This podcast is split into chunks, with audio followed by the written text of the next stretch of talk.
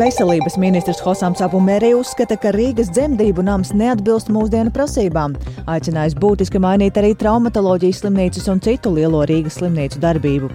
Ko tieši un kāpēc rosina mainīt ministrs un ko par to saka pašas ārstniecības iestādes, jau pēc brīža plašāk skaidrosim redzījumā pusdiena. Saimas ārkārtas sēdē politiķi piemin Krievijas pilna mēroga iebrukumu Ukrainā otro gada dienu, aicina nepagurt un atbalstīt Ukrainu līdz tās uzvarai. Cilvēkiem Ukrainā neviens nav devis iespēju pagurt. Un vairāk nekā pusē saņemto jauno elektrovilcienu joprojām problēmas. Pasažierus pārvadā 1,7 no 17 sastāviem. Arī par to jau tūdaļ raidījumā pusdiena.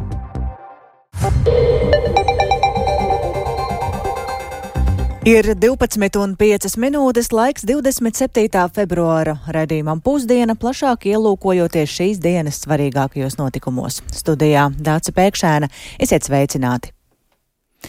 Vai satiksmes ministram un uzņēmuma pasažieru vilciens vadībai par jauno elektrovilcienu gauso ieviešanu būtu jāatbild ar saviem amatiem?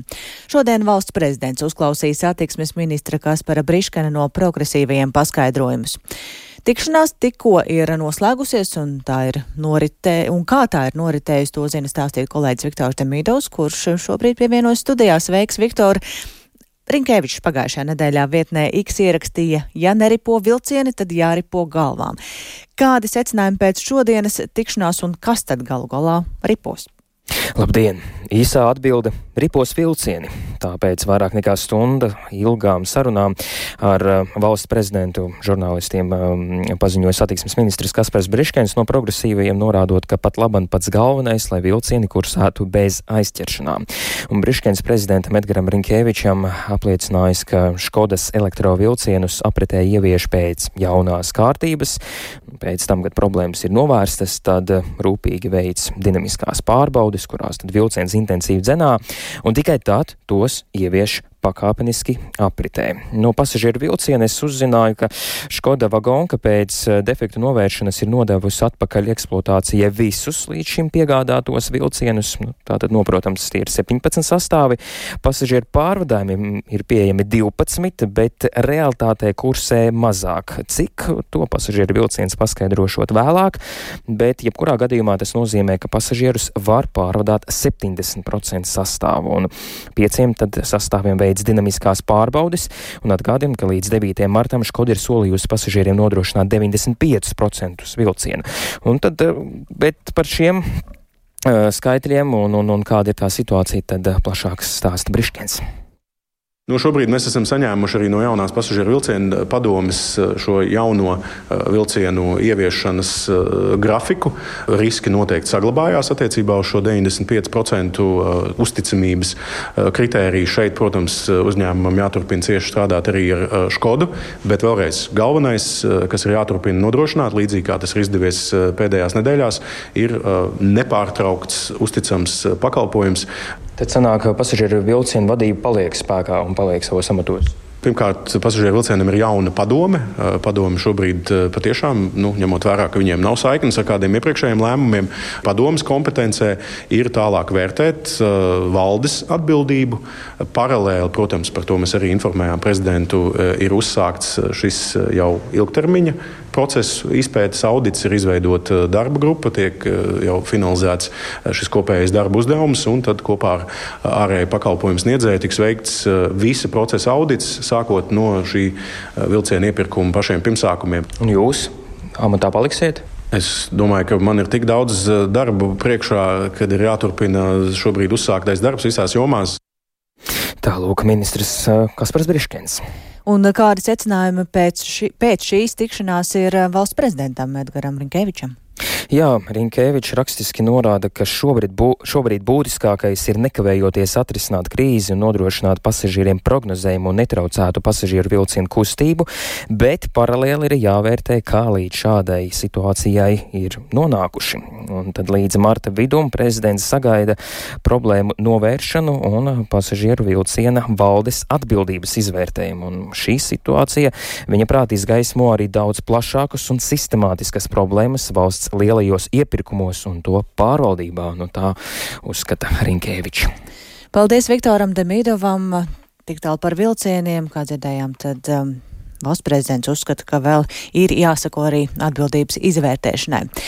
Bet ir sākušās divu nedēļu ilgas starptautiskās militārās mācības Kristāla Aro, un lai arī to aktīvā fāze ir paredzēta no 9. līdz 12. martam, pirms tam notiek sagatavošanās manevri sekmīgai mācību uzdevumu izpildēji, un tas nozīmē, ka iedzīvotājiem ir jārēķinās ar to, ka jau šobrīd Ādažu, Limbažu un Siguldas novados ir iespējami sabiedroto helikopteru pārlidojumi un arī pa Latvijas autoceļiem pārvietosies Latvijas un sabiedroto un bruņoto spēku militārā tehniku. Un vēl arī no šodienas līdz 2. martam Latgales un Vidzemes reģionos notiek plānoti sabiedroto spēku iznīcinātāju treniņu lidojumi. Bet runājot par mūsu iedzīvotāju interesi pašiem iesaistīties valsts aizsardzībā, tad interese par iestāšanos zemesardzē ir stabilizējusies. Tā šorīt raidījumā labrīt kolēģiem Kristapam Feldmanim un Helīnai Balskarai sacīja zemesardzes komandieris brigādes ģenerālis Kaspars Pudāns, atzīstot, ka labprāt redzētu arī lielāku interesi. Jaunieši savukārt izmanto arī iespēju brīvprātīgi pieteikties valsts aizsardzības dienestam, taču tie, kuri to dara, biežāk dod priekšroku 11 mēnešu dienestam, nevis 5 gadu dienestam zemesardzē. Tieši zemesardzē šobrīd priekšroku ir devuši aptuveni 20 jauniešu, un lai gan tā šogad plāno uzņemt līdz 200 personām, paklausīsimies um, Pudāna teikto. Es uz to neskatos negatīvi. Tā bija tiešām kā opcija, kas piedāvāta jauniešiem izvēlēties starp 11 mēnešu valsts aizsardzības dienestu vai arī kādu šādu brīvāku, elastīgāku modeli. Man liekas, ka tas, ka tiešām vairāk brīvprātīgi izvēlējās 11 mēnešu, es uz tos taisnu skatos pozitīvi. Mēs kā zemesardze arī jau esam uzsākuši abu divu opciju nodrošinājumu valsts aizsardzības dienestā gan ar 11 mēnešu dienestu vidzemē, vienā no mūsu apakšvienībām, kur uzsākuši 26 valsts aizsardzības dienesta karavīri 11 mēnešu dienestu. Un divās apakšvienībās, divās vienībās zemesardzē uzsākuši arī 5 gadu dienestu. Šajā gandrīz nepilni 20 uh, jaunieši, kas izvēlējās brīvprātīgu opciju. 5 gadi, kur viņiem katru gadu ir minimums vismaz 28 dienas obligāti jāapmeklē mācības. Un, pēc pieciem gadiem viņi, protams, var turpināt dienestu zemesardzē, bet būs arī izpildījuši savu pienākumu pret valsti. Mans mērķis joprojām ir vairāk tieši rekrutēt, turpināt rekrutēt arī zemesargus. Parastā, mūsu ierastā ceļā, tiešām brīvprātīgos visās vecuma grupās. Ne tikai jaunieši, kas ir valsts aizsardzības dienestā, un skaidrs, ka skaits varbūt šī pēdējā gada laikā ir atkal nostabilizējies. Nedēļas nogalē divi gadi apritēja kopš šī Krievijas pilna mēroga iebrukuma Ukrainā. Šie divi gadi ir devuši varbūt kādas mācības, pārdomas. Protams, protams mēs pastāvīgi sekojam.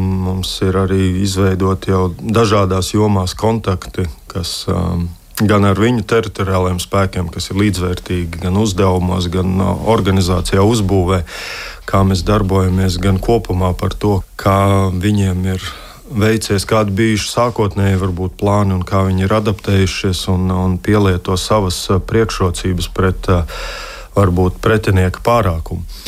Personīgi jāatzīst, ka bija lietas, kuras vērojot, skatoties, tas tikai apstiprināja mūsu pieņēmumus par to, kāds varētu būt apdraudējums, vai apstiprināja to, ka mēs esam pareizi izvēlējušies jau pat arī pirms 22. gada savus attīstības plānus, kādos virzienos mēs ejam. Bet vienlaicīgi arī bija atsevišķas nianses, kur redzam, ka varbūt jāpātrina iepriekš plānotais, vai arī kaut ko jaunu izdarīt. Skaidrs, ka ļoti plaši izskanējušais uh, dronu, tieši mikroklases mazo dronu attīstību, kuru mēs bijām uzsākuši arī jau pirms, protams, bet redzot viņu. Uh, plašo pielietojumu, daudzfunkcionalitāti, ne tikai novērošanā, kā mēs to varbūt uh, klasiski līdz šim redzējām, bet arī tiešām izmantot kā ieroci darboties pat pret bruņu tehniku. Ja? Tas ir tas, kas varbūt ir kā atklājums, un mēs aktīvi arī sekojam, izvērtējam iespējas arī apmācīt. Jo mums daudz, tiešām man ir liels gandarījums par tiem daudziem zemesargiem, brīvprātīgiem, kuri šo risinājumu, kā mūsu um, tehnoloģisku varbūt, uh, priekšrocību, spēja attīstīt un virzīt uz priekšu, un interesi tajā arī piedalās. Tā zemesardzes komandieris brigādes ģenerālis Kaspars Pudāns taiskaitā arī par to, kā notiekošais Ukrainā ir ietekmējis to, kā raugāmies uz savas valsts aizsardzību.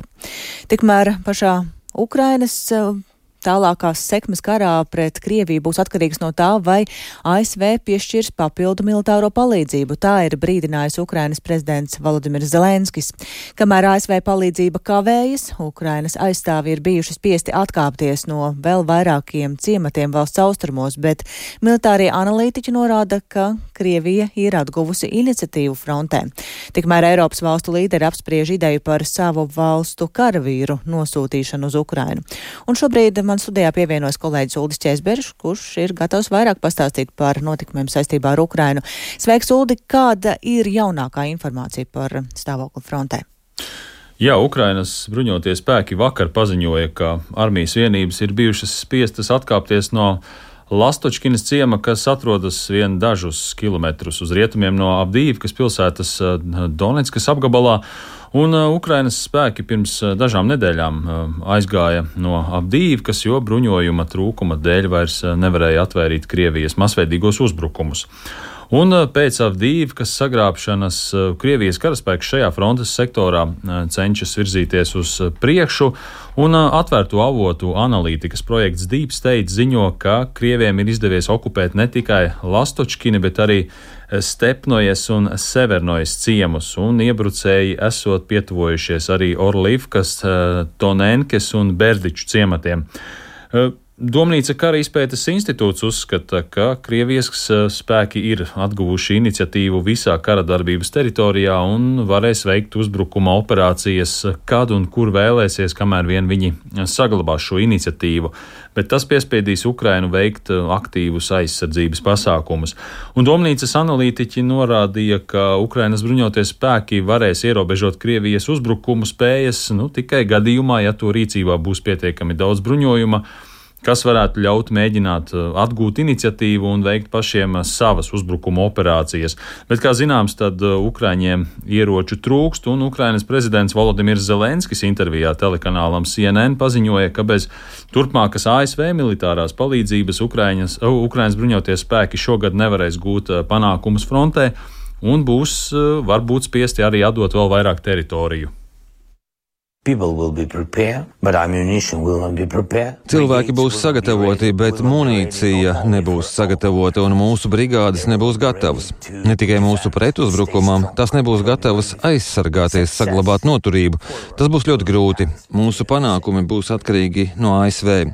Ja jūs tikai aizstāvaties, jūs dodat iespēju Krievijai spiest jūs maziem soļiem atpakaļ, bet atkāpjoties, mēs zaudēsim cilvēkus will lose people. Zelenskis arī piebilda, ka Ukrainas bruņoto spēku komandieris Aleksandrs Sirskis gatavojot divus atšķirīgus kara plānus, nu, kuru īstenošana būs atkarīga no tā, vai ASV piešķirs papildu militāro palīdzību vai nepiešķirs. Un atgādināšu, ka ASV kongresa pārstāvju palāta joprojām nav apstiprinājusi likumprojektu par vairāk nekā 60 miljārdu dolāru vērtas militārās palīdzības piešķiršanu Ukrainai. Un ASV prezidents Joe Bidenis šodien tiksies ar kongresa republikāņu un demokrātu partiju līderiem, lai mēģinātu viņus pārliecināt par nepieciešamību pēc iespējas drīzāk panākt kompromisu, kas ļautu mm, apstiprināt jau mēnešiem aizkavēto palīdzību Ukrainai. Bet eh, kavējoties ASV atbalstam Ukrainai, Eiropa mēģina uzņemties iniciatīvu, un vakar vakarā Parīzē noslēdzās Francijas prezidenta Emanuela Makrona rīkotā konference, kurā Eiropas valstu līderi sprieda par turpmāko palīdzību Ukrainai. Un Makrons paziņoja, ka Eiropai ir jādara vairāk, lai palīdzētu Ukrainai cīņā pret Krieviju, jo Krievijas uzvara šajā karā tikai vairotu tās vēlmi uzbrukt arī citām Eiropas valstīm. Šodien nav vienprātības par oficiālu sauszemes karaspēka nosūtīšanu uz Ukrainu, taču situācijai dinamiski attīstoties, nekas nav izslēgts. Mēs darīsim visu nepieciešamo, lai Krievija nevarētu uzvarēt šajā karā. Makrons gan neatklāja, kuras valstis apsver karaspēka nosūtīšanu uz Ukrainu, jo esot jāsaglabā strateģiskā nenoteiktība, bet, nu, piemēram, jau Slovākijas premjerministrs Roberts Fico ir paziņojis, ka nu, viņa valsts nekādā gadījumā neiesaistīšoties karā Ukrainā. Vēl gan jāpiebilst, ka Parīzes sanāksmē tika izziņota arī jauna koalīcija, kas Ukrainai piegādās vidējas un tuvas darbības rādījusa ieročus, un Francija un Nīderlande arī izteica atbalstu Čehijas idejai par artilērijas lādiņu iegādi no valstīm ārpus Eiropas. Nīderlandes premjerministrs Marks Rutte paziņoja, ka viņa valsts šim mērķim atvēlēs 100 miljonus eiro. Lielas paldies uh, Uldim Česberim! Jā, jāpiebilst, ka Ukrainā situācija frontē ir ļoti atkarīga no atbalsta gan no ASV, gan Eiropas. Bet Eiropas lielākā ekonomika ir nonākusi sarežģītā situācijā. Ar šādu ziņu Vācijas valdība februārī publicēja datus par ekonomikas izaugsmi šim gadam, un tiek lēsts, ka ekonomika šogad pieaugs vien par 0,2%, nevis 1,3%, un Tā tas tika lēsts rudenī. Tikmēr Vācijas centrālā banka ir brīdinājusi, ka iekšzemes koprodukts pirmajā ceturksnī visticamāk samazināsies, tādēļ ekonomika nonāks recesijā un plašāk par nedēļām Vācijā stāsta Rihards Plūme. Augstās procentu likmes, vājais pieprasījums, problēmas rūpniecībā un eksportā, cenu spiediens enerģijas sektorā un ģeopolitiskās krīzes, tostarp karadarbība tuvajos austrumos un Ukrainā. Ar šiem sarežģījumiem šobrīd nākas tikt galā Vācijas ekonomikai. Sagaidāms, ka Vācijas ekonomiku negatīvi ietekmēs arī pēdējā laika bieži pieredzētie streiki, jo īpaši dzelzceļa un aviācijas nozarēs. Kritisks par situāciju ir bijis ekonomikas ministrs Roberts Hābeks. Viņa prāt, Vāciju eirozonas izaugsmas virzītāju spēku šobrīd satricinājusi ideāla vētra, un situācija ir dramatiski slikta. All das hat die Herbstprognose noch einmal deutlich gedrückt. Situācija ir izaicinoša, ļoti izaicinoša. Mums ir jādara vairāk. Mums ir jānāk klajā ar vērienīgām reformām, lai uzturētu un stiprinātu Vācijas konkurētspēju pilnīgi izmainītajā globālajā vidē. Vācijas kanclers Olafs Šolts gan bija smaigāks, steidzot kliedēt bažas un norādot uz jaunu rūpnīcu atvēršanos un ārvalstu investīcijām Vācijā. Tajā pašā laikā viņš atzina, ka Vācija ir eksporta lielvalsts un tādēļ globālie satricinājumi ir labi jūtami.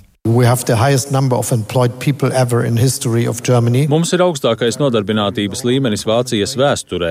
Ir jautājums par to, kur dabūt darba rokas. Mums ir daudz investīciju Vācijā, piemēram, elektroautomobīļi, investīcijas bateriju pusvadītāju ražošanā. 80 līdz 90% jaunās pusvadītāju ražošanas vietas Eiropā atradīsies tieši Vācijā, kas liecina par ekonomikas spēku. Jā, esam vieni no tiem, kas ir visvairāk pakļauti eksportam, esam saistīti ar teju visām valstīm pasaulē. Un jā, ja pasaulē notiek kaut kas sarežģīts, mēs to jūtam, jo esam sasaistīti ar visiem. Bet līdz ar pārmaiņām tas atkal mainīsies. Again when things are, are changing. Vācijas problēmas ir būtiski atrisināt, jo to ilgstoša neatrisināšana ietekmē arī visas eirozonas attīstību, tostarp arī Latviju, kuras uzņēmumiem Vācijas tirgus ir būtisks. Tā piemēram, lielākie Vācijas ķimikāliju uzņēmumi ir starp tiem aptuveni 60 uzņēmumiem, kas kopīgi aicinājuši Eiropas Savienības vadītājus pieņemt Eiropas industriju vienošanos, lai palīdzētu izvest nozari, kas Vācijai ir ļoti būtiska, no krīzes. Bez mērķtiecīgas rūpniecības politikas Eiropa riskē kļūt atkarīga pat no pamata precēm un ķīmiskajām vielām, un Eiropa to nevar atļauties, tā uzsver uzņēmumi. Vācija vairs nevar paļauties uz lētu enerģiju un spēcīgu ārējo pieprasījumu. Nepieciešamas reformas. Taču par to, kā tās īstenot, trīs partijām, kas veido Šolca vadīto koalīciju, nav pilnīgas vienprātības. Finanšu ministrs Kristians Linners no brīvajiem demokrātiem vēlas atvieglot nodokļu slogu un samazināt birokrātiju uzņēmumiem. Šādi, viņa prāt, ir darāmie darbi. Mums jāuzlabo pamatnosacījumi mūsu uzņēmumiem, kas nozīmē reformas darba spēku jomā, nepieciešamas investīcijas publiskajā infrastruktūrā, arī valsts pārvaldes digitalizācija. Un domāju, ka nepieciešama reforma mūsu uzņēmumu nodokļu sistēmā. Savukārt rūpniecības nozara ir transformācijas procesā. Bet, ja spēsim uzlabot pamatnosacījumus šogad, sagaidu ekonomikas augšupēju ļoti drīz. Bet mums ir jālemj par struktūrālām reformām.